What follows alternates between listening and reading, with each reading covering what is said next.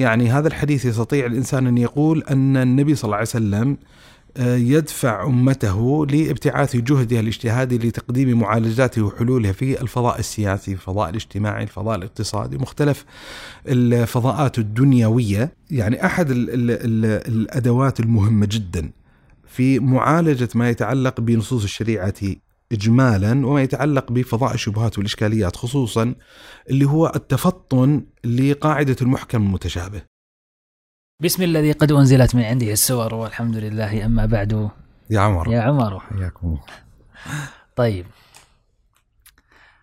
مساك الله بالخير أبو صالح. يا مرحبا يا أهلا وسهلا. اللقاء يتجدد بك. طبعا البيت الأول هذا لن يحدث كم طيب يلا ما عندك مشكلة. الله يحييك أبو صالح. آه، حديثنا اليوم في هالدقائق هذه عن آه، شبهة آه، يتمسك بها كثير من العلمانيين بالذات العلمانيين العرب والمتأثرين فيهم آه، اللي هي طبعا فصل الدين عن الجانب الحياتي المعاملات البيع والشراء آه، التعاملات الربوية ايا كان نوع هذا التعامل.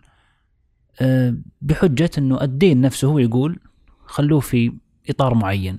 طيب إيش دليلك النبي عليه الصلاة والسلام يقول أنتم أعلم بأمور دنياكم فهذا من أمور الدنيا صحيح فهل فعلا هذا هذا النص دليل على فصل الدين عن يعني مجالات الحياة؟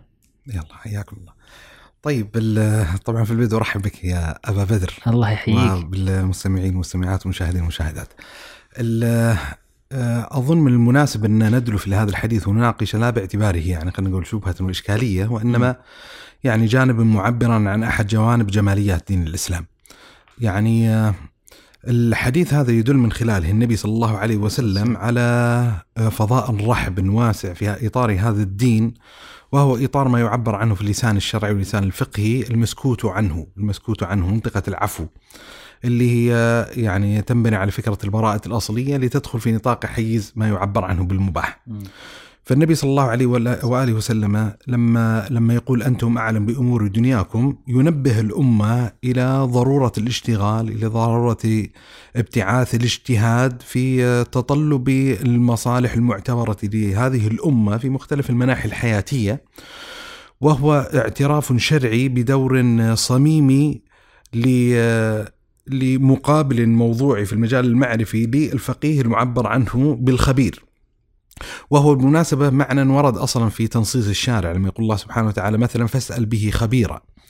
فبالتالي عندنا دور الفقيه وعندنا دور الخبير. وأحد الإشكاليات يعني التي ينبغي ملاحظتها وإدراكها ومراعاتها من قبل الخطابات الناقدة للخطابات الشرعية والخطابات الفقهية واتهامها بضمور تقديم المعالجات والحلول لمختلف الإشكاليات اللي تعصف بحياة الناس أنه ليس بالضرورة من واجب الفقيه تقديم مثل هذه المعالجات ومثل هذه الحلول أصلا. يعني بمعنى آخر أن ترى المسلمون يعني هم جسد واحد وبالتالي هنالك جهد معرفي يحتاج أن يبذل من الكل كل بحسب طبيعته وبحسب اختصاصه وبالتالي يعني هذا الحديث يستطيع الإنسان أن يقول أن النبي صلى الله عليه وسلم يدفع أمته لابتعاث جهدها الاجتهادي لتقديم معالجاته وحلولها في الفضاء السياسي، الفضاء الاجتماعي، الفضاء الاقتصادي، مختلف الفضاءات الدنيوية. وأن المطلوب من الخبراء بحسب مساحات الاجتهاد التي يستطيعون أن يقدموا جهدهم فيها يقدموا معالجات والحلول المختلفة المتنوعة في مثل هذه الفضاءات النطاقات ويصير قصارى ما يتطلب في نظر الشارع فيما يتعلق بهذه الفضاءات تقديم ضمانه بأن ذلك الاجتهاد المبتعث في أي مجال يعني دنيوي آه، لا يمثل نوع من أنواع الاجتهاد المتعارض مع المقررات الشرعية. بحيث إن قصارى ما نتطلب في مثل هذه الفضاءات إنه يكون داخلا في حيز من حيز الإباحة، إذا كان من قبيل مسكوت عنه في الوحي فيستطيع الإنسان أن يوازن قيم المفاسد والمصالح المترتبه على مثل هذه الممارسة وبالتالي يعني يدخل في النطاقات والمساحات المناسبة له، وهذا بس يعني مدخل يعني ضروري ملاحظته وإدراكه لما يقرأ انسان مثل هذا الحديث الوارد عن النبي صلى الله عليه وآله وسلم. والاعتراف أصلا بدور الفقيه ودور الفقيه الخبير وتخليق هذه الثنائية يعني العلمية والمعرفية يعني يستطيع الإنسان أن يلاحظها في المدونة الأصولية الأولى اللي وضعها الإمام الشافعي عليه رحمة الله في كتابه الرسالة موجودة في عدة مواضع في الكتاب وتستمر يعني هذه الملاحظة في المدونة الأصولية التالية حتى عالم اليوم. فهو معنى شائع ليس معنى يعني مبتكرا مستحدثا في مثل يعني هذه المناسبة. نعم الحديث قول النبي صلى الله عليه وآله وسلم أنتم أعلم بأمور دنياكم هو أحد الأحاديث الدائرة على ألسنة كثير من العلمانيين العرب ومفكري الحداثة العربية. وهو حديث يتم تداوله تداوله في تقييمي وتقديري آه، ويعبر عن حالة من حالات عدم النزاهة العلمية والنزاهة المعرفية بمعنى يعني يبدو لي إن الممارسة العلمانية من حيث هي تتأبى على أنها تتخندق أصلا في خندق الشريعة بمعنى أن هي تمثل حالة منافرة أصلا للإطار الشرعي ولا تتطلب العلمانية من حيث هي اكتساب الصبغة الشرعية وإعطائها ختم الشرعية من خلال معطيات الوحي. يعني أحد المفارقات اللي يستطيع الإنسان ملاحظتها وإدراكه بتغير الجغرافيا العلمانية إذا ذهب الإنسان إلى الغرب العلماني لن تب... لن تجد يعني هذه الملاحظة ظاهرة بينة أن كثير من العلمانيين الغربيين يحرصون على استثمار نصوص الكتاب المقدس مثلا من أجل نصرة الفكرة العلمانية. أنت تقصد إنه مش من حسن نيه يسوونها؟ اي يعني وجهة نظري إن العلمانية العربية لما تتعلق بذيول دلالات الوحي من الكتاب والسنة من أجل تبرير المشروع العلماني م. يعني هي ممارسه انتهازية يحاول الانسان من خلاله أن يستثمر يعني أو يستثمر أداة تأثيرية أداة تأثيرية في الحاضنة الشعبية الاجتماعية المسلمة.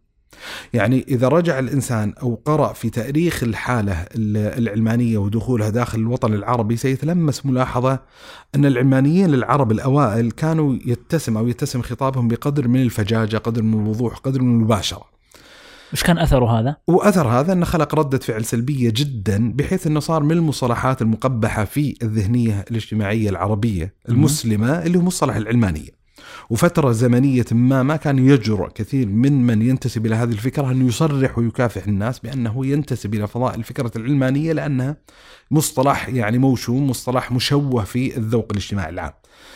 لفجاجة الممارسات اللي حصلت اللي بعد ذلك حصل نوع من أنواع الانزياح من أجل استثمار يعني أحد أغصان إن صح التعبير يعني تجوزا الإسلام من أجل قطع شجرة الإسلام قطع الشجرة بغصنها. بغصنها. إي فجاك مثلا بعض الاستثمارات وبعض الاستدلالات المتعلقة بنصوص الوحي من أجل تمرير المشروع الفكرة العلمانية نوع من أنواع التجاوب مع الذوق الاجتماعي العام المتدين المسلم. بحيث يعني يستثمر الإنسان هذه القضية سواء يعني هذا النص النبوي أو استثمار بعض النصوص التراثية الموجودة. ولذا مثلا من الأدبيات الغريبة والكتابات اللي طالعتها قبل مدة طويلة كتاب بعنوان السياسة بين الحلال والحرام، العنوان الفرعي الكتاب أنتم اعلم بأمور دنياكم، فالحديث هذا فعلا يعني حديث محوري ومركزي في الأدبيات العلمانية العربية. بما يستدعي نوع من أنواع التأمل المعالجة المناقشة لحلحلة هذه المنطقة وحلحلة الإشكال هذا والبيان أن الحديث هذا لا يشتمل على آه، ما يكون مصوبا مصححا لهذا النمط من أنماط الإشكال. والإشكالية يعني مبكرة إلى حد ما يعني ليست يعني وليدة السنة والسنتين والثلاثة والعشرة والعشرين سنة تعلق بذوي الحديث هذا. الحديث هذا مثلا ورد في عند الإمام أحمد في المسند فعلق عليه العلامة أحمد شاكر عليه رحمة الله تبارك وتعالى بتعليق يعبر عن آه، استيائه ونقده اللاذع لبعض لممارسات يعني هو عبر حتى بهذا التعبير الإلحادية العلمانية وغيرها وإن مما طنطن به يعني تستخدم هذا المصطلح. ففعلا يعني هذه إشكالية يعني تكلم عن تاريخ 100 سنة تقريبا يعني يعني, يعني سنة. من بدايات مشروع يعني إذا قرأ الإنسان مثلا كتاب البرت حوران الفكر العربي في عصر النهضة على سبيل المثال سيستكشف بدايات دخول الفكرة العلمانية الفكرة الليبرالية داخل الإطار العربي عبر البوابة المصرية وغيرها يعني من البوابات وسيلاحظ الإنسان إن بعد فترة معينة من آه، من توثق العلمانية العربية بأنه من الصعب عليها جدا أن تمرر مشروعها آه، عبر نافذة آه، يعني مباينة النافذة الإسلامية أن هذا أمر معسور ومعجوز عنه وبالتالي بدأوا يدخلون في هذا النطاق. جميل. هذا الكلام رائع ولو كان نعم. عندنا وقت لا حقيقة أطلنا فيه الحديث لأنه كلام حقيقة مهم وجيد. لكن خلينا نرجع إلى الحديث. النص أو الحديث. طيب الحديث. طيب الحديث يعني آه، يعني أحد ال ال ال الأدوات المهمة جدا في معالجة ما يتعلق بنصوص الشريعة م. اجمالا وما يتعلق بفضاء الشبهات والإشكاليات خصوصا اللي هو التفطن لقاعدة المحكم المتشابه. جميل. يعني إذا استطاع الإنسان أن يستثمر استثمارا جيدا ما يتعلق بقاعدة المحكم المتشابه فستنزاح عنه يعني اكوام كثيرة جدا من الشبهات والإشكاليات ويستطيع أن يعالجها بشكل تلقائي عفوي. وخلنا ندخل عبر بوابة هذه الأداة وتطبيقها في خصوص ما يتعلق بحديث النبي صلى الله عليه وسلم من قول الله تبارك وتعالى هو الذي أنزل عليك الكتاب منه آيات محكمات هن أم الكتاب وأخر متشابهات. فأما الذين في قلوبهم زيغ فيتبعون ما تشابه منه ابتغاء الفتنة وابتغاء تأويله وما يعلم تأويله إلا الله. والراسخون في العلم يقولون آمنا به كل من عند ربنا. الآية. هذه الآية القرآنية يحكي الله تبارك وتعالى فيها آه، حقيقة متعلقة بالنص القرآني وهي حاضرة كذلك في النص النبوي. بل يستطيع الإنسان أن يلاحظها ويدركها في الخطابات الإنسانية البشرية بشكل عام. وهي ثنائية المحكم والمتشابه. وأن أحد الأدوار الشرعية المطلوبة من المسلم هو السعي في رد النصوص المتشابهة المشكلة إلى النصوص المحكمة. وأن طريقة أهل الزيغ وأهل الضلال أنهم يتعلقون بذيول النصوص المتشابهة ويبنون الرؤى والأفكار عليها بعيدا عن الأصول المحكمة. طيب خلنا يعني نوظف مثل هذه الأداة المفيدة والنافعة جدا في خصوص ما يتعلق قضيتنا، إذا نظرنا في الأصول المحكمة المتعلقة بعلاقة الدين بالدنيا وبعلاقة دين الإسلام بالشأن الدنيوي للمسلم، سنجد أن نحن أمام منظومة تشريعية وشبكة هائلة من الأحكام التفصيلية المتوغلة في الشأن الدنيوي. يعني يعني إذا نظر مثلا الإنسان إلى المدونة الفقهية سيجد أن الفقهاء إجمالا يقسمونها إلى حيزين فضائين. عندنا فضاء ما يعبر عنه بكتاب العبادات وعندنا فضاء ما يعبر عنه بكتاب المعاملات. ويتفطن العلماء على أن باب العبادات غير معقول المعنى على جهه التفصيل وأن باب المعاملات معقول المعنى على جهه التفصيل. يعني بمعنى أن هنالك يعني الحكم التشريعية المترتبة على هذه المنظومة التشريعية مما يتعقل معناه مما يدرك وجه المصلحة فيه. ومع ذلك يدركون العلماء ويدركون الفقهاء ويدرك أي اي أنا أزعم أي مسلم يتماس مع خطاب الوحي بشكل مباشر إن هنالك جملة من النصوص الشرعية المتكاثرة المتنوعة التي تتصل بالشأن الدنيوي. ويعني على سبيل المثال لما يتكلم الانسان في الفضاء الاقتصادي عندنا منظومه تشريعية كبيرة جدا فيما يتعلق بالشأن الاقتصادي. عندنا آه، أحكام تفصيلية متعلقة بأحكام المبايعات عندنا شروط معينة عندنا أركان متعلقة بقضية البيع عندنا أنماط من التعاقدات المباحة أنماط من التعاقدات المنصوص عليها محرمة. مثلا لما يتكلم الإنسان عن باب الإيجار على سبيل المثال لما يتكلم عن باب الرهن على سبيل المثال لما يتكلم في في أبواب الذبائح في أبواب الأطعمة ف... فأنت عندك أشياء كثيرة جدا مما تحسب داخل الإطار الدنيوي. ستجد أن للشريعة قول فيها إما بالإيجاب بالاستحباب بالإباحة بالكراهة بالتحريم. ويعني يكفي أن يدرك الإنسان يعني مثلا يكفي أن يدرك ان من أعظم الكبائر في دين الإسلام الربا على سبيل المثال. يدرك الإنسان أن في أبواب المعاملات والبيوع نهى النبي صلى الله عليه وسلم عن بيع الغرر. ونهى النبي صلى الله عليه وسلم أن يبيع الرجل على بيع أخيه، ونهى النبي صلى الله عليه وسلم عن النجش، ونهى النبي صلى الله عليه وسلم عن بيع المنابذة والملامسة. وغيرها من أنماط مثلا البيوع، وعندك يعني يعني تفصيلات شرعية متعددة وكثيرة جدا.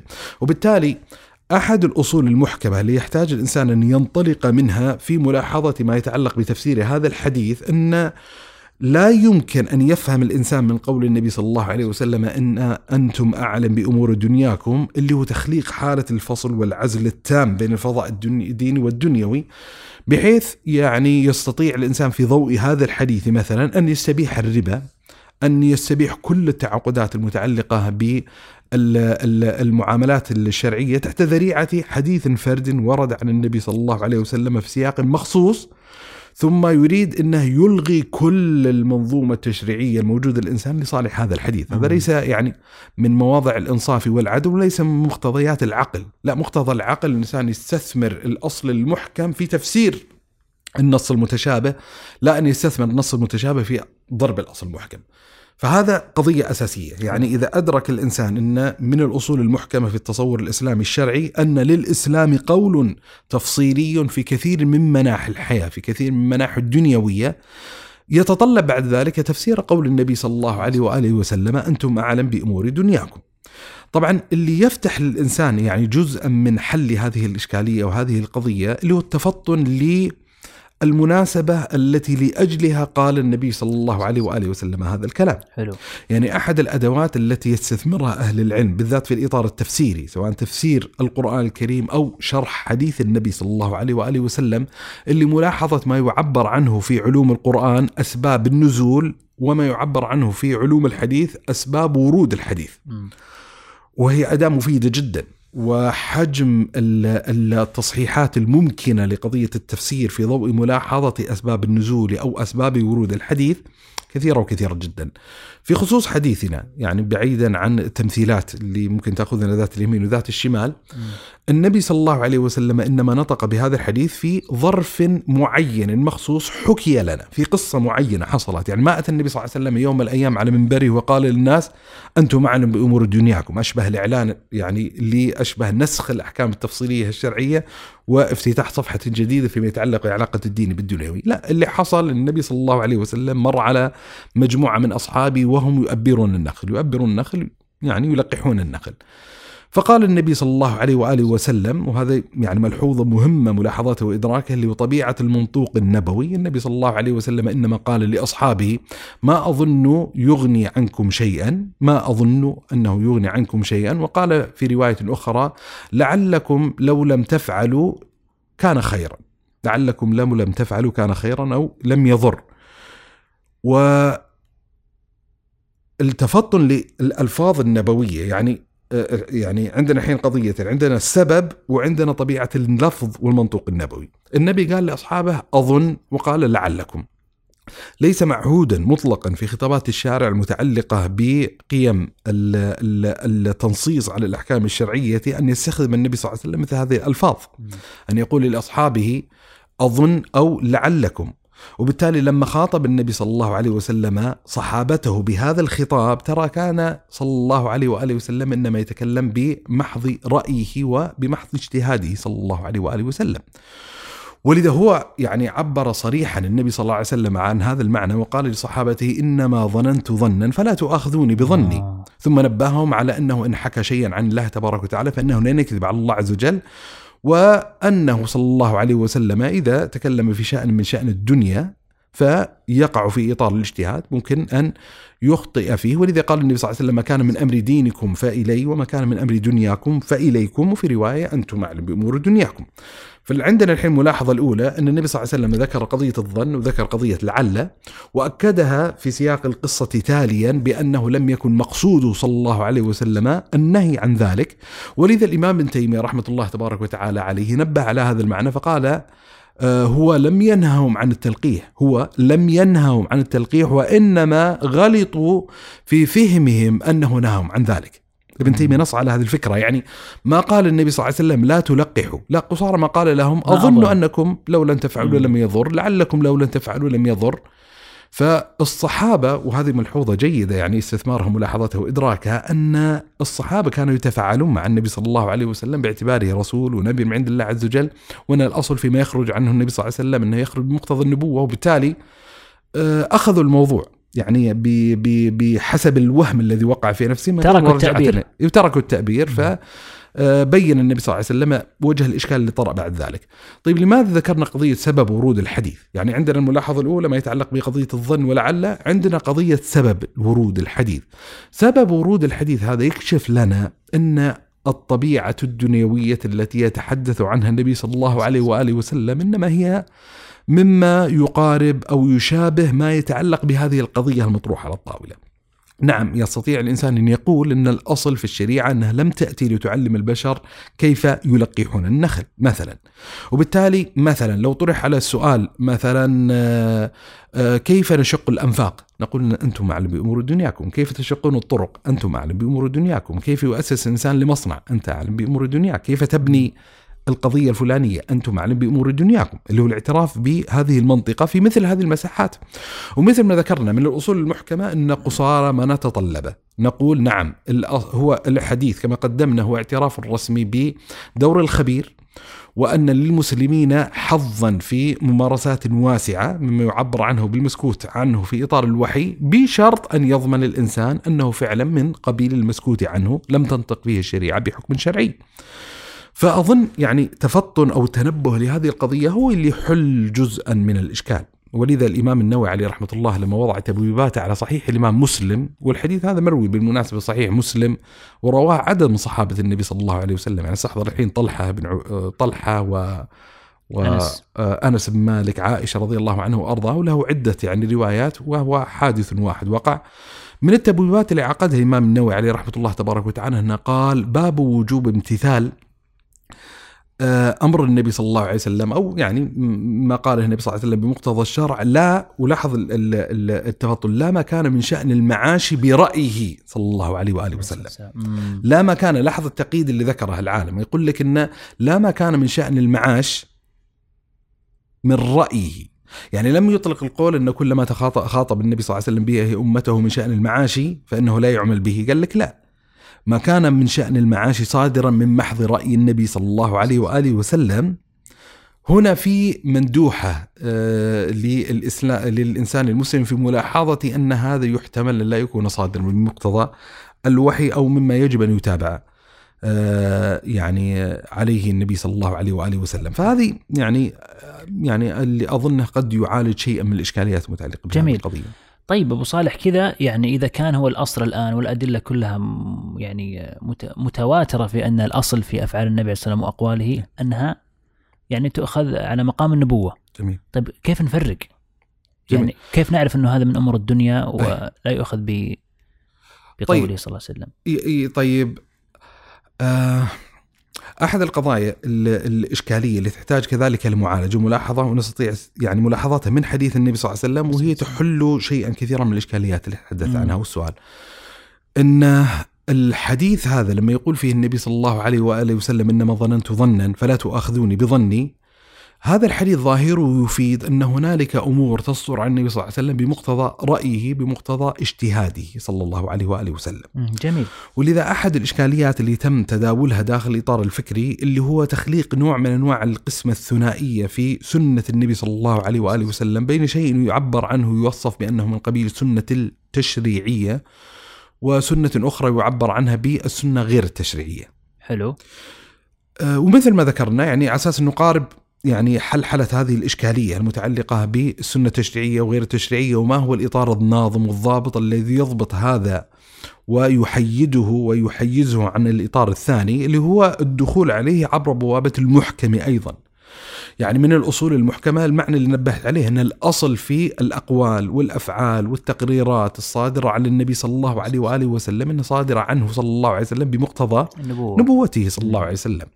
وأن الشريعة يعني نبهت إلى هذا المعنى لما مثلا لما يقول الله سبحانه وتعالى وما ينطق عن الهوى إن هو إلا وحي يوحى لما يطلق الله تبارك وتعالى القول بوجوب طاعة النبي صلى الله عليه وسلم وأطيعوا الله وأطيعوا الرسول طيب. لما معلش أبو صالح هذا كلام جميل وأظن يعني ذكرناه في النقطة اللي قبل لكن أنا بس ودي نفهم ودي أفهم. إيه؟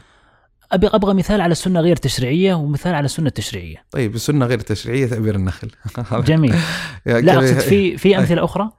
والله كانت موجودة ونقلت في- يعني ممكن. نضرب امثله ممكن إيه. نضرب امثله جيدة والميزة الأمثلة الحقيقة هذه إنه تؤكد على هذا الأصل المحكم اللي إيه. نبهنا عليه اللي هو قضية إن التفاعل والتعامل مع شخص النبي صلى الله عليه وسلم باعتباره رسول من عند الله عز وجل وإن الصحابة آه، كان أحد المعايير والمعطيات إذا وقعت عندهم الشبهة باحتمال إن هذا الأمر وقع من النبي صلى الله عليه وسلم بمقتضى الرأي والاجتهاد بما. لا يلزم أن يكون داخلا في إطار التشريع كانوا يسألون النبي صلى الله عليه وسلم يست- يستثيرون النبي صلى الله عليه وسلم للإبانة بشكل واضح. إن هل هو الآن تكلم بمقتضى نبوته ولا بمقتضى بشريته واجتهاده بضرب مثلا آه، ثلاثة أمثلة مثلا سريعة مثلا عندنا حديث غزوه بدر غزوة بدر لما نزل النبي صلى الله عليه. وسلم منزلا ف كان من رأي الحباب المنذر رضي الله عنه وأرضاه أن هذا المنزل لا يبدو من الجهة العسكرية منزلا لائقا مناسبا حلو فأتى النبي صلى الله عليه وآله وسلم فقال له يا رسول الله منزل أنزلكه الله أم هي الحرب والمكر. والخديعة مم. أو المكيدة والخديعة فتلاحظ الحين الصحابي يعني مدرك إن أحد الأدوار المحتملة التي يقوم بها النبي صلى الله عليه وسلم كونه قائدا عسكريا وأنه قد انحاز للخيار في وضع الصحابة بهذا المنزل باعتبار باعتبار رؤيته القيادية باعتبار اجتهاده صلى الله عليه وسلم لكن لم يعني يقدم رأيه مباشرة عنده نوع من أنواع التورع والخشية أن يكون الأمر صادرا بمقتضى وحي من عند الله على الأصل. اللي عنده يعني بنى على الأصل إيه. لاحظ الأصل ولذا تلاحظ ينحاز إلى الاصل هو اللي يبتعث فيه الاستشكال. هذا السؤال. إيوه إيه. هذا السؤال. هل مردود هل نرده إلى الأصل أم هنالك فسحة نستطيع الانتقال من غير المعارضه المباشرة؟ فقال له النبي صلى الله عليه وسلم بل هي الحرب والمكر والخديعة. فقال والله يا رسول الله ليس هذا بمنزل وأشار عليه بالرأي فنزل النبي صلى الله عليه وسلم عند راي فهذا مثلا من أمثلة السنة غير التشريعية. حلو. مثلا في غزوة ال- الخندق غزوة الأحزاب أتى رجل للنبي صلى الله عليه وسلم اسمه الحارث الغطفاني مم. وعرض على النبي صلى الله عليه وسلم لونا من ألوان المصالحة بأن يتنازل أهل المدينة عن نصف ثمرهم عن شطر تمر المدينة لصالح غطفان. وانت تدري الأحزاب عبارة عن قريش ثقيف غطفان وشاركهم خيانة المسلمين اليهود في جنوب المدينة. فالنبي صلى الله عليه وسلم كان من اجتهاده من رأيه أن بالإمكان أن يتخفف من عبء فصيل من جيش الكفار بالموادعة المصالحة معهم بالتنازل اللي طمعوا فيه وطلبوه. فقال له يعني في المفاوضات اللي وقعت بينه وبين الحارث الغطفاني قال حتى أعرض الأمر على السعود. على السعود يقصد سادة الأنصار. سعد بن معاذ وسعد يعني ما شاء الله عبادة. يعني هو اللافت إن السعود انه كانوا مجموعة كلهم مسمين بسعد. إيه. سعد بن معاذ وسعد بن عبادة وسعد بن خيثمة وسعد بن الربيع وسعد بن مسعود. يعني ذكرت في الرواية اسمائهم العجيب إن لما عرض الموضوع على هؤلاء السادة من الأنصار من الأوس والخزرج لما عرض الموضوع لأن الامر يمسهم قالوا للنبي صلى الله عليه وسلم بشكل مباشر بشكل واضح بشكل صريح هل هذا الأمر من عند الله عز وجل؟ فنحن مذعنون مسلمون لأمر الله عز وجل. أم هو رأيك؟ لاحظ لاحظ حتى التأدب مع النبي صلى الله عليه وسلم قال أم هو رأيك صلى الله عليه وسلم؟ فأمرنا تبع لرأيك. يعني حتى إذا كان محض اجتهاد منك يا رسول الله ترى إحنا متابعينك في اجتهادك. لاحظ عندنا الله من عند الله عز وجل بمقتضى الوحي بمحض اجتهادك والرتبة الثالثة أم هو شيء تصنعه لنا؟ إن أنت شفقة علينا أمر يعني تقدر أن فيه المصلحة بالنسبة إلينا تفوض الأمر إلينا. فيقولون الصحابه للنبي صلى الله عليه وسلم فوالله ما كانوا يطمعون أن ينالوا يعني ثمره من ثمر المدينة إلا بشرا أو قرى إما انهم يشترون منا أو. نقريهم إياه نعطيهم إياه هدية ضيافة. فما ما ما نتنازل إذا كان الأمر مفوضا إلينا. فقال إنما يعني هو أمر رأيته لكم لما رأيت الناس قد رموكم عن قوس واحدة.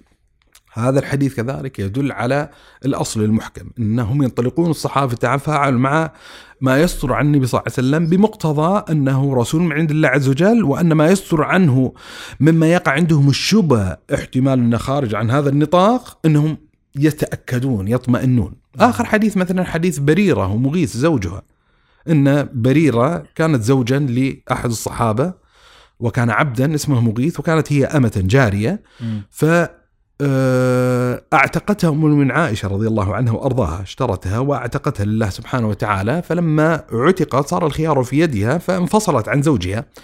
فكان زوجها محبا لها يعني طامعا في أن تعود إليه حتى انه كان يتابعه ويلاحقه في سكك المدينة يبكي. وكان النبي صلى الله عليه وسلم يتعجب من مظهره يقول الا تعجب من من محبة مغيث لبريرة ومن بغض بريرة لمغيث. فشفقة النبي صلى الله عليه وسلم على الحالة اللي وقعت بين الطرفين راح قال يا بريرة إنما هو زوجك وأبو عيالك. يعني يحاول. يعني يحاول فيها النبي صلى الله عليه وسلم كذا. فقالت له أتأمرني يا رسول الله أم أنت شافع؟ هذا الأمر أمر تأمرني بمقتضى نبوتك أم أنت شافع؟ فقال بل أنا شافع. فقالت لا حاجة لي فيه. فكل هذه الأحاديث تدل على هذه المنطقة يعني تدل على أن هنالك أمور تصدر عن النبي صلى الله عليه وسلم. ليس مقصود النبي صلى الله عليه وسلم أن يضع تشريعا مم. لل- للأمة مثلا بما يؤكد على مبدأ وأصل وجود يعني القسمة يعني ليست إشكالياتنا في حقيقة الأمر في مجرد تقسيم ما صدر عن النبي صلى الله عليه وآله وسلم إلى تشريع وغير تشريع. تشريع وغير تشريع. ما. عندنا إشكالية على الجهة التقسيمية على الاصطلاح الفنية على الجانب الاصطلاحي أو الجانب الفني. المشكلة وين موجودة؟ اللي هو في الممارسات التطبيقية التفصيلية. يعني كما يقال إن الشيطان يكمل في التفاصيل. يعني اللي هو السعي الموجود من بعض الأطراف لتوسيع نطاق ما يعبر عنه بالسنة غير التشريعية حتى تدخل في نطاق ما السنة نعتقد التشريعية أنه من قبيل السنة التشريعية مم. بل ما هو من قبيل المحكم في السنة التشريعية. يعني آه، آه، تجي المسألة بالكوم كما يقال بالكوم. يعني يأتيك مثلا احدهم يقول ترى كل القضايا اللي وردت عن النبي صلى الله عليه وسلم مما يتعلق بشأن الملبس، الهوية الظاهرة، الهيئة الظاهرة ترى هذه كلها من قبيل السنة غير التشريعية، لا هذه مشكلة. كل ما صدر عن النبي صلى الله عليه وسلم في الشأن الطبي، كل ما صدر عن النبي صلى الله عليه وسلم الطبي هو ليس من قبيل السنة التشريعيه، هذا التكويم والتوسعة بحيث أنه يتمدد الموضوع بشكل فج من قبل بعض الخطابات العلمية إنه كل ما يصدر من النبي صلى الله عليه وسلم مما يتعلق بشأن الدنيا فليس من قبيل التشريع. فكله استدلالا بأنتم أعلم بأمور دنياكم يعني هذا أحد الأدوات، يعني مم. أحد الأدوات ويعضد هذا الاداء بجزء من المعاني اللي ذكرناها قبل قليل. انه يعني يعني ملاحظة قضية يعني ابتعثت جزء من الإشكال عن طرف معين. الإشكال الأول أو المعنى الأول انقدح في نفسهم وقد يكون حقا من حيث هو والثاني حقا من حيث هو لكنهم فهموه بطريقة خاطئة أن النبي صلى الله عليه وسلم في معيشته في هذه الحياة الدنيا لم يكن يقوم بدور بين قوسين النبوة فقط. كان زوجا صلى الله عليه وسلم كان ابا صلى الله عليه وسلم كان قائدا صلى الله عليه وآله وسلم وغيرها من الأدوار الحياتية كان قاضيا صلى الله عليه وسلم وغيرها من الأدوار فهذا آه، يعني القضية الأولى ملاحظة يعني اللي صار الحين إن عندنا مقام النبوة وعندنا أدوار ثانية. الأدوار الثانية خلاص ندخلها في إطار السنة غير التشريعية والدور الأول في السنة التشريعية. هذا الوهم الأول. الجانب الإشكالي اللي عضد به إن عندنا دلالات متنوعة وكثيرة تدل على إن هنالك شيئا يصدر عن النبي صلى الله عليه وسلم بمحض اجتهادي بمحض اجتهادي بمحض رأيه. ليس شيئا صادرا بوحي من عند الله تبارك وتعالى.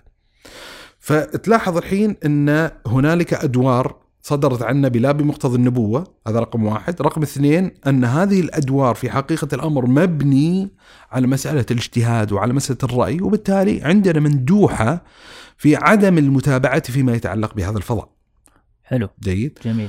فالمعنى اللي يحتاج الإنسان أن يلاحظه يحتاج الإنسان أن يدركه رقم واحد اللي هو قضية ضرورة التحيز إلى الأصل الكلي إلى القاعدة الكلية إلى الأصل فيما يصدر عن النبي صلى الله عليه وآله وسلم ونبهنا إلى بعض الدلالات الشرعية ويكفي فيها مثلا قول النبي صلى الله عليه وسلم لعبد الله بن عمرو بن العاص رضي الله عنه وأرضاه لما قال إيش؟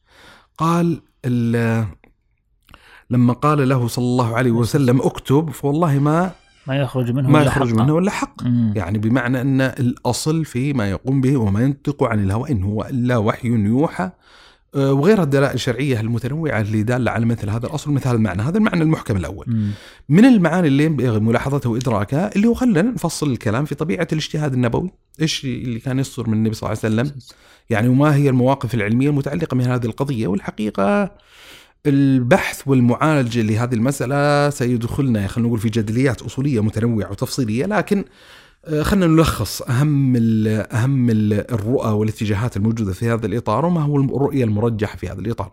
في رؤية تعتقد أن لا لم يكن آه، يصدر من النبي صلى الله عليه وسلم شان اجتهادي أصلا، يعني بمعنى أن منعه القضية هذه ابتداء، هذا اتجاه موجود داخل الاطار العلمي. جميل. الاتجاه الثاني اللي يعتقد لا النبي صلى الله عليه وسلم كان يمارس دورا اجتهاديا لكن دوره الاجتهادي كان مقصورا في الشأن الدنيوي. أها.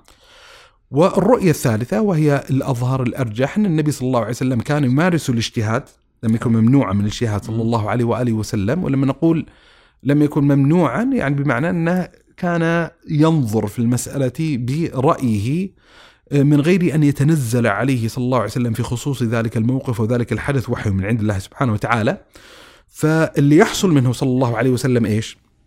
قد يجتهد ويجتهد في الشأن الدنيوي وقد يقع اجتهاده في الشأن الديني, ديني. كذلك. يعني بمعنى أن مثل ما يمارس علماء الإسلام المجتهدين عملية الاستنباط من الوحي الاستنباط من الوحي لتقرير الأحكام الشرعية فلا يلزم أن كل حكم شرعي جرى من النبي صلى الله عليه وسلم هو بالوحي الإلهي المباشر. فقد يكون كذلك قد يكون كذلك وقد يكون من قبيل استنباط النبي صلى الله عليه وسلم واجتهاده صلى الله عليه وآله وسلم، فهذا المواقف العلمية وهذا يعني ال- ال- الذي أميل إليه وأترجح عندي. اللي هو قضية أن قد يجتهد النبي صلى الله عليه وسلم وقد يكون اجتهاد متعلقا بالشأن الدنيا وبالشأن الديني. طيب إذا اجتهد بالشأن الديني؟ أيوه. سواء بالشأن الديني أو الشأن الدنيوي هل يلزم أن يكون مصيبا فيه أو اي نعم هذا لا؟ سؤال. يعني إن فبعض العلماء يعني أشبه في اتجاهين. اتجاه يعتقد إن النبي صلى الله عليه وسلم فيما اجتهد فيه هو معصوم ابتداء. بمعنى يعني سواء كان الأمر بوحي من الله عز وجل مباشر يعني يقول. إلى صواب. لا مو بيقول إلى صواب يرون إنه معصوم ابتداء. حلو. يعني كل ما يجتهد فيه النبي صلى الله عليه وسلم فمن اللحظة الأولى لا يتصور وقوعه في الزلل والخطأ. طيب. هذا رؤية. مم. والرؤيا الأظهر أن النبي صلى الله عليه وسلم قد يجتهد صلى الله عليه وآله وسلم وقد يكون اجتهاده مصيبا وهو قطعا الأكثر. وإذا كان الإنسان يعني يحفل, يحفل بالاجتهادات العلماء وغيرهم فألا, فألا أن يحفل باجتهاد النبي صلى الله عليه وسلم أولى وأحرى. يعني من الإشكاليات في التعاطي مع هذه القضية أننا كذلك يعني حتى إذا قررنا أن النبي صلى الله عليه وسلم يجتهد وأنه قد يخطئ في اجتهاده هذا لا يعني التنازل مطلقا عن اجتهادات النبي صلى الله عليه وسلم. لا يعني مقام النبي صلى الله عليه وسلم بعقله بذكائه بحكمته صلى الله عليه وسلم تقتضي أن أن أن يكون مثل اجتهاده أولى أن يكون مصيبا للحق من اجتهادات من دونه صلى الله عليه وآله وسلم. نحن نقرر الحين قضية يعني كلية عامة بس يحتاج الإنسان أنه يلاحظ ويراقب هذا المعنى. الأظهر والله أعلم في ضوء يعني دلالات شرعية متعددة وكثيرة جدا أن النبي صلى الله عليه وسلم قد يجتهد فلا يكون اجتهاده موفقا للصواب فيأتي تصويب الشريعة لهذا الاجتهاد النبوي. فالعلماء نبهوا على معنى ظريف ومعنى لطيف وفي مصطلح موجود في المدونة الحنفية اللي يسمونها الوحي الباطن. الفكرة فيها باختصار أن كل ما يصدر عن النبي صلى الله عليه وسلم إما أن يكون رقم واحد بوحي من عند الله سبحانه وتعالى فيكون معصوما فيه بعصمة الله تبارك وتعالى له ابتداء وإما أن يكون صادرا بالإجتهاد، هذا الاجتهاد النبوي إما أن يكون صوابا فتسكت الشريعة عليه فيقر يعني أشبه أن يقره الله سبحانه وتعالى على اجتهاده فيكون متابعا فيه صلى الله عليه وآله وسلم. هذا رقم اثنين، رقم ثلاثة أن يجتهد النبي صلى الله عليه وسلم ولا يكون اجتهاده صوابا فيأتي التصحيح الإلهي. نبغى مثال على هذا. يعني الأمثلة يعني يعني أمثلة متعددة لكن خلينا نضرب مثال. وله اتصال بالشأن الدنيوي والديني. اللي هو قضية ما جرى من النبي صلى الله عليه وسلم عقب غزوة بدر. أيوه. لما لما لما انتهى غزوة بدر وانتصر فيها المسلمون انتصارا ظاهرا أحد التداعيات اللي خلفتها هذه الحرب اللي هو إيش؟ الأسرى. حلو. فاستشار النبي صلى الله عليه وسلم صحابته ما الذي يفعله فيهم؟ خصوصا إن إلى هذه اللحظة لم يتنزل من عند الله عز وجل وحي مباشر بما يجب أن يفعل فيهم. فاستشار النبي صلى الله عليه وسلم الصحابة فأشار عليه بعضهم وكان في ضمن هذا البعض أبو بكر رضي الله عنه وأرضاه فأشار عليه انهم إنهم يعني ذو رحم والأهل والعشيرة وكذا فأرفق بهم وأرحمهم. والضف الثاني وكان على رأسه عمر الخطاب بما عرف من شدته قال لا ليس هذا الرأي يا رسول الله وإنما تدفع فلان إلى فلان قريب أو فلان إلى فلان وفلان إلي وتقطع عناقهم يقتلون كل الأسرى النبي صلى الله عليه وسلم بمقتضيات الجبلة التي جعلها الله تبارك وتعالى فيه إيش اللي حصل؟ مال إلى رأي أبي بكر رضي الله عنه وأرضاه. آه. ففاداهم النبي صلى الله عليه وسلم فاد بعضهم وبعضهم يعني فاداهم بالمال وبعضهم فاداهم بتعليم يعني صبيان ال- ال- المسلمين وغير يعني المجريات اللي حصلت. ثم نزل عتاب الله تبارك وتعالى ونزلت الآيات المبينة لولا كتاب من الله سبق لمسكم فيما ومعروف الحدث ان إن بكى أبو بكر والنبي صلى الله عليه وسلم معه يبكي فمر عليهم النبي عمر بن الخطاب فقال ما لكما تبكيان؟ فإن وجدت بكاء بكيت لبكائكما وإن لم أجد بكاء تباكيت لبكائكما. فيعني ف- ف- فهذا مثال يعني هذا مثال إن النبي صلى الله عليه وسلم اجتهد في رأي معين ثم اللي حصل عقب ذلك إن الله عز وجل ابان والإبانة لاحظ وهذا جزء من رحمة الله تبارك وتعالى بنا ورحمة الشريعة. ويعني ع- يعني نزع الغبش المتعلق بهذه القضية وأن المسلم يستطيع أن ينحاز بنوع من أنواع الطمأنينة إلى النبي صلى الله عليه وآله وسلم وإلى ما يصدر عنه صلى الله عليه وآله وسلم. بمعنى أن الأصل يعني أن لا يتابع النبي صلى الله عليه وسلم في اجتهاد أخطأ فيه. طيب كيف نتفطن لوجه الخطأ فيه؟ إن مم. سيأتي الإبانة عن ذلك. إما على صورة وحي من عند الله تبارك وتعالى. يا أيها النبي اتق الله.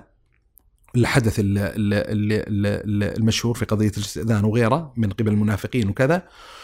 أو آه مثلا آه أن يقدر الله تبارك وتعالى من معطيات الواقع ما يكشف. عن ما وقع مثل حديث تأبير النقل. يعني ما أتى وحي من عند الله تبارك وتعالى نبه لكن وقع التقدير الإلهي لما حصل من الصحابة ما حصل وتوهموا أن النبي صلى الله عليه وسلم نهاهم عن ذلك. قدر الله عز وجل بطبيعة سنته الإلهية الجارية أن يخرج شيصا رأى النبي صلى الله عليه وسلم فوثق في الحديث هذا أن يقول لنا النبي صلى الله عليه وسلم إنما ظننت ظنا فعرفنا أن ترى اجتهاد دنيوي إيوه إن النبي صلى الله عليه وسلم لما آه، قال ما قال انه ليس من قبيل النهي الشرعي الذي يتعلق به. وإنما هذا. طبعا من ال- ال- المباحث التي تؤكد يعني إن ليست الإشكالية من حيث هي اللي هو قضية ال ال ال مجرد التقسيمات التنويعات المصطلحات إنه تشريعي وغير تشريعي موجود شائع في المدونة الأصولية الكلام على التصرفات النبوية. أها كيف؟ يعني آه، العلماء جزء من فعلهم العلمي في النظر إلى تصرفات النبي صلى الله عليه وسلم. قالوا النبي صلى الله عليه وسلم ما يصدر عنه من التصرفات يدخل في إطار إحدى أقسام ستة تقريبا. هذا اللي اللي اذكره حسب الإحصاء اللي ذكره بعض أهل العلم. فقالوا مم. إن هنالك تصرفات تشريعية، هنالك تصرفات جبلية، هنالك تصرفات آه، عادية، هنالك تصرفات اجتهادية، هنالك تصرفات خاصة، وهنالك تصرفات بمقتضى المعجزة. طيب يعني آه، خلنا يعني يمكن أمثل أو أشرح كل كان صار واحدة فيها صعوبة شوي إيه، نبغى هو لو. هو لو كتابتها جيد عشان أحفظها خاف يعني طيب. تضيع علينا واحدة منها لكن نبدأ طيب. نبدأ من الأولى. الأول ال- ال- السنة التشريعيه اللي هو الأشياء اللي صدرت عن النبي صلى الله عليه وسلم بمقتضى كونه نبيا رسولا طبعا التصرفات هذه آه، اللي هي بالأفعال ولا حتى بالأقوال؟ يعني قد تكون صادرة بهذه وصادرة بهذه لكن الأصل في البحث الأصولي حقيقه انه يدرسون من خلال الأفعال. أفعال. الأصل. لكن يمكن يجد الإنسان بعض الشواهد ما جرى من النبي صلى الله عليه وسلم المنطقات التي تكون داخلة في إطار من إيه، هذه لكن الأطر. أكثر في الأفعال. لكن هي الأصل في الأفعال. مم.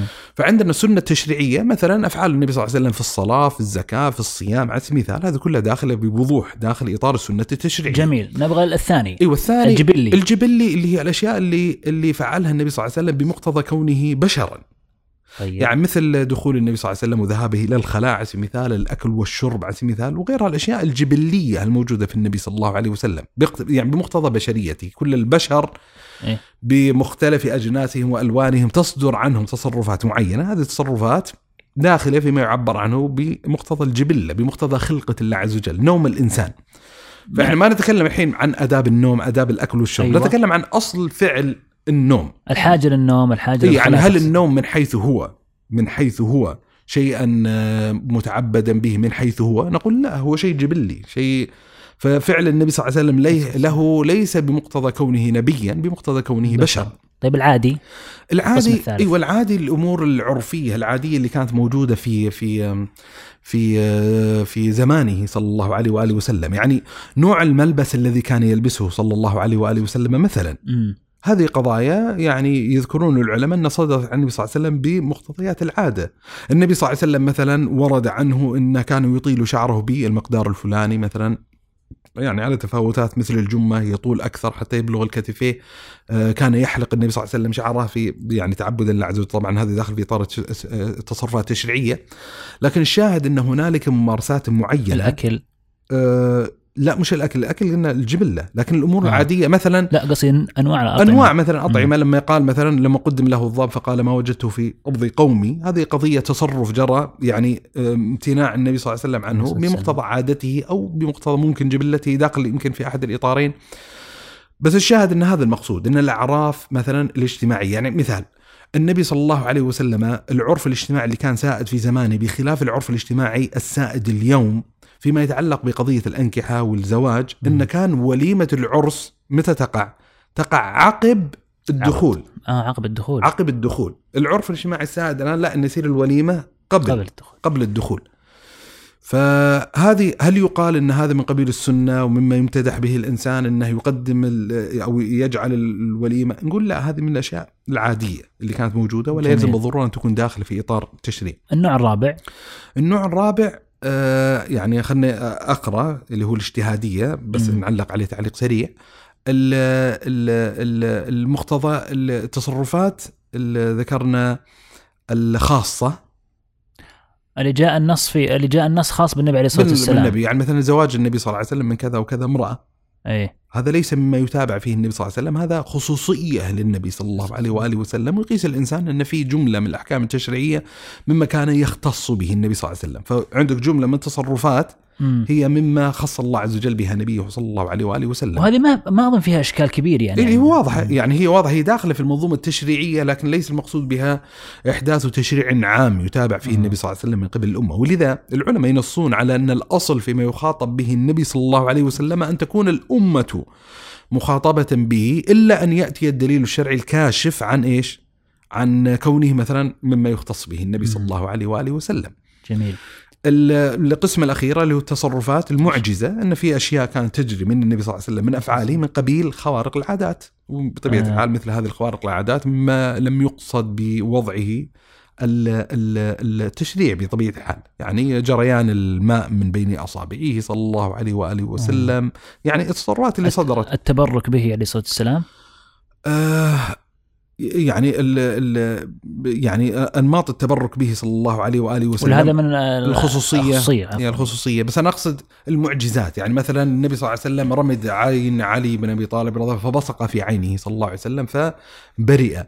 رضي الله عنه وأرضاه وغيرها من التصرفات الخارقة للعاده جميل. اللي جرت فهذه المعجزه. القسمة اللي هي اللي تحتاج إلى حل حل ومناقشة يمكن كشفنا بعض الجوانب المتعلقة فيها التصرفات الاجتهادية. التصرفات الاجتهادية. وزي ما ذكرت هو القضية المطمئنة المريحة المتعلقة بهذه القضية أن ما صدر من النبي صلى الله عليه وسلم بمقتضى اجتهاده إما أن يكون اجتهادا مصيبا فيه النبي صلى الله عليه وسلم فتسكت الشريعة عنه بما يعبر عن إقرار الله عز وجل له فيكون محلا للمتابعة فيه صلى الله عليه وآله وسلم أو يكون من قبيل الاجتهاد الذي لم يوفق فيه صلى الله عليه وسلم لوجه الصواب فمن رحمة الشريعة بنا أن الله عز وجل يكاشفنا إما بإقامة قدر إلهي يكشف عن وقوع الخطأ أو بالإبانة بالنص الصريح البين بأن ما وقع من النبي صلى الله عليه وسلم من اجتهاد آه، يعني مما لم يقصد به ال- ال- ال- التشريع. يمكن هذه يعني الماحة معينة جميل. تحل جزء من الإشكاليات المتعلقة بهذا الباب والمهم جدا أن نتذكر دوما أن النبي صلى الله عليه وسلم دوره الأساس الموجود في هذه الحياة الدنيا والوظيفة التي ابتعثه الله سبحانه وتعالى لأجلها اللي هو تبليغ الوحي إبانة الوحي تزكية المؤمنين هو الذي هو الذي جعل بعث في هو الذي بعث في الأميين رسولا منهم يتلو عليهم آياته يزكيهم. ويزكيهم ويعلمهم الكتاب والحكمة. الحكمة. اللي هي السنة النبوية. فهذه يمكن بعض المحات المفيدة في هذا الإطار.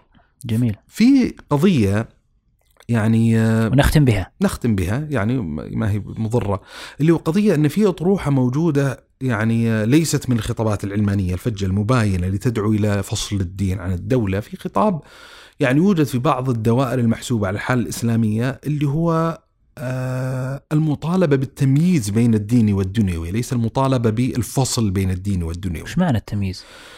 التمييز يعني الاطروحه المقدمة إن إن إن تطرح الرؤية هذه إن الدين والسياسة تمييز لا فصل، يعني بمعنى إن لابد أن يميز المقام الديني عن عن المقام السياسي أو المقام الدنيوي. هذا المستوى زي ما قلت لك إن الإشكالية ليست في المصطلحات والإطلاقات، يعني النبي صلى الله عليه وآله وسلم لما يقول ما كان من أمر دينكم فالي وما كان من أمر دنياكم فإليكم يستطيع الإنسان بسهولة أن يفهم من هذا الحديث إن النبي صلى الله عليه وسلم مايز بين فضائين. مايز. بين الفضاء الديني والفضاء الدنيوي ما هو محل إشكال هذا والمشكلة في طبيعة المفاهيم التي يراد أن تضخ تحت هذا العنوان المفاهيم التي يراد أن تضخ عبر المطالبة بالتمييز بين الديني والسياسي أو الديني والدنيوي مم. يعني إذا كان المقصود يعني آه، آه، معنى حق معنى حق يعني اللي هو التفاعل مع التصنيفات اللي ذكرها أهل العلم في التصرفات النبوية وملاحظتها وإدراكها ثم حصر نطاق التشريع في الفضاءات التي قصد إليها الشارع والتفاعل مع الاجتهاد النبوي بالتفاعل الشرعي المطلوب بملاحظة انه هو إما أن يكون يعني الصادر عن النبي صلى الله عليه وسلم بالوحي المباشر أو بالوحي الباطن بمعنى أنه يقر على اجتهاده أو يخطأ في اجتهاده فندرك ال- الاجتهاد فلا يتابع فيه صلى الله عليه وسلم. فالانضباط الشرعي فيما يتعلق بهذه الفضاءات يسمح الاشكال مم. آه، لكن المشكلة في كثير من الاطروحات اللي تطرح تحت هذه اللافتة وتحت هذا العنوان أنها تشتمل فعلا على جزء من الإشكاليات. اللي هي تقترب شيئا ما من الإشكاليات العلمانية. يعني بعضهم مثلا لما يطرح هذه الرؤية وهذه الفكرة يعبر بصراحة أن أحد الإشكاليات في التعامل الإسلامي مع الفكرة العلمانية التعامل مع الفكرة العلمانية باعتباره آه، جرما جامدا صلبا واحدا في حين الواقع يشهد بأن ليس هنالك علمانية واحدة هنالك علمانيات متنوعة. وكثيرة تمتد من العلمانية الصلبة الفرنسية إلى العلمانية الناعمة البريطانية والأمريكية على سبيل المثال وبينها أنماط وظلال من العلمانيات وبالتالي هو يصرح أن هنالك نوع من ألوان الخطابات العلمانية التي قد تكون متوافقة مع الشريعة. مع الشريعة. على سبيل المثال فنقول هنا واضح إن ب- هنا منطقة الإشكال منطقة الإشكال وإن الإنسان ما عاد يعني يعني يستثمر النصوص الشرعية اللي أراد الله سبحانه وتعالى منها أن أن يمايز بين الدنيا والدين بحق بحيث لا الحين بدأ يوسع مما يعتقد أنه داخل في إطار التمييز الدنيوي على صالح قضايا هي في حقيقة الأمر من ثراوتها القضية الدينية وأدخلت داخل الاطار الديني. ولذا يعني من الأشياء الطريفة أن ذات النصوص اللي ذكرناها قبل قليل حديث بريرة وحديث غطفان مثلا وحديث ال- حديث الحباب بن المنذر يتم توظيفها في سياق التأكيد على هذه الحقيقة في حين مواقف الصحابة اللي ذكروا هذا الحديث صراحة تدل على نقيض هذه الرؤية، التفاعل مع النبي صلى الله عليه وسلم من جهة الأصل باعتباره نبيا من عند الله تبارك وتعالى والتحوط لدين المرء في التفاعل مع منطوقات النبي صلى الله عليه وسلم بهذا الاعتبار. بحيث إن الأصل إن النبي صلى الله عليه وسلم يقوله من عند الله عز وجل، طيب إذا وقع عندي الشبهة، الإشكال، التساؤل، هل خرج بمقتضى نبوته عنه صلى الله عليه وسلم أم لا؟ يروح يس- يستوضح من النبي صلى الله عليه وسلم مثل هذا الأمر. حتى أفهم بس يا أبو صالح يعني اللي يستخدم هذا المصطلح وهذا إيه. الأسلوب هو فعليا يفصل الدين عن أشياء أيوه ف هذه يعني الفكرة؟ أيوه الفكرة اللي يعني خلينا اختصرها بالطريقة الجيدة اللي نبهت عليها. ليس عندنا إشكالية لاحظ مصطلحية بين الفصل الفصل بين الديني والدنيوي طيب. والتمييز بين الدنيا والدنيوي. لكن المشكلة اللي حصلت في أرض الواقع أن يسعى يعني بحسن نية أو بسوء نية لتمرير المشروع العلماني الذي متصادم مع المحكمات والأصول الشرعية تحت لافتة التمييز بين الدنيا والدين. عرفت قصدي؟ يعني الإشكال الحين موجود. ممكن في مثال واضح يقرب الصورة؟ طيب أذكر يعني أذكر أضرب مثلا أضرب مثل. لما يقول النبي صلى الله عليه وآله وسلم مثلا وهذا مثل آه، ذكره بعض من يعني آه، ابتعث مثل هذا النموذج وهذه. الفكرة. يقول النبي صلى الله عليه وآله وسلم مثلا في الحديث المشهور لن يفلح قوم ولوا أمرهم امرأة. طيب حلو. وهذا الحديث يعني لما يقرأ الإنسان الأدبيات الفقهية من زمن النبي صلى الله عليه وسلم إلى اليوم سيجد الحديث ظاهرا يعني مثلا العلماء مجمعين على أن قضية الإمامة العظمى مما لا يصح ديانة وشرعا ان أن- يتولاها امرأة. أن تتولاها امرأة مم. لأن النبي صلى الله عليه وسلم قال لن ينفع قوم وهذا الصحابي أبو بكر رضي الله عنه وأرضاه اللي حد اللي راوا هذا الحديث قال قد عصمني الله عز وجل بحديث سمعته النبي صلى الله عليه وسلم سمعته يقول لا ينفع قوم ساق هذا الحديث لن ينفع قوم في في مناسبة إيش؟ في يوم الجمل أيوه يعني لما إن إن كان ال ال ال ال الجيش الزبير وطلحة رضي الله عنه وأرضاه وابتعثوا معهم أم المؤمنين عائشة أبو بكر ولا علي تقصد؟ لا الحين عندنا بعد مقتل عثمان بن عفان تدري أي. حصل الخلاف بين صحابة النبي صلى الله عليه وسلم في دم عثمان ففي فصيل من الصحابة وكان من رؤوسه في تلك الحقبة اللي هو طلحة بن عبيد الله الزبير بن العوام كانوا يرون ضرورة المطالبة بدم عثمان وع- وعلي كان اجتهاده أن يؤخر هذا الأمر حلو. إلى أن تستثبت تست- تستثبت أمور الدولة مم. الإسلامية وغيرها. فخرجوا اللي هو زبير وطلحة ومعهم لمقامها في المؤمنين عائشة, عائشة رضي الله عنها وأرضاها إلى بلاد العراق للمطالبة بدم عثمان وحصلت وقعة الجمل المشهورة. أبو بكر كان فرحا مبتهجا بعصمة الله تبارك وتعالى له من تلك الفتنة. اللي جرت بقوله ان عصمني الله عز وجل بحديث. سمعت من النبي صلى الله عليه وسلم. فاعتبر لاحظ اعتبر مجرد كون عائشة طرفا اصيلا في ذلك الجيش إن هذا مؤشر على عدم فلاح ذلك الجيش.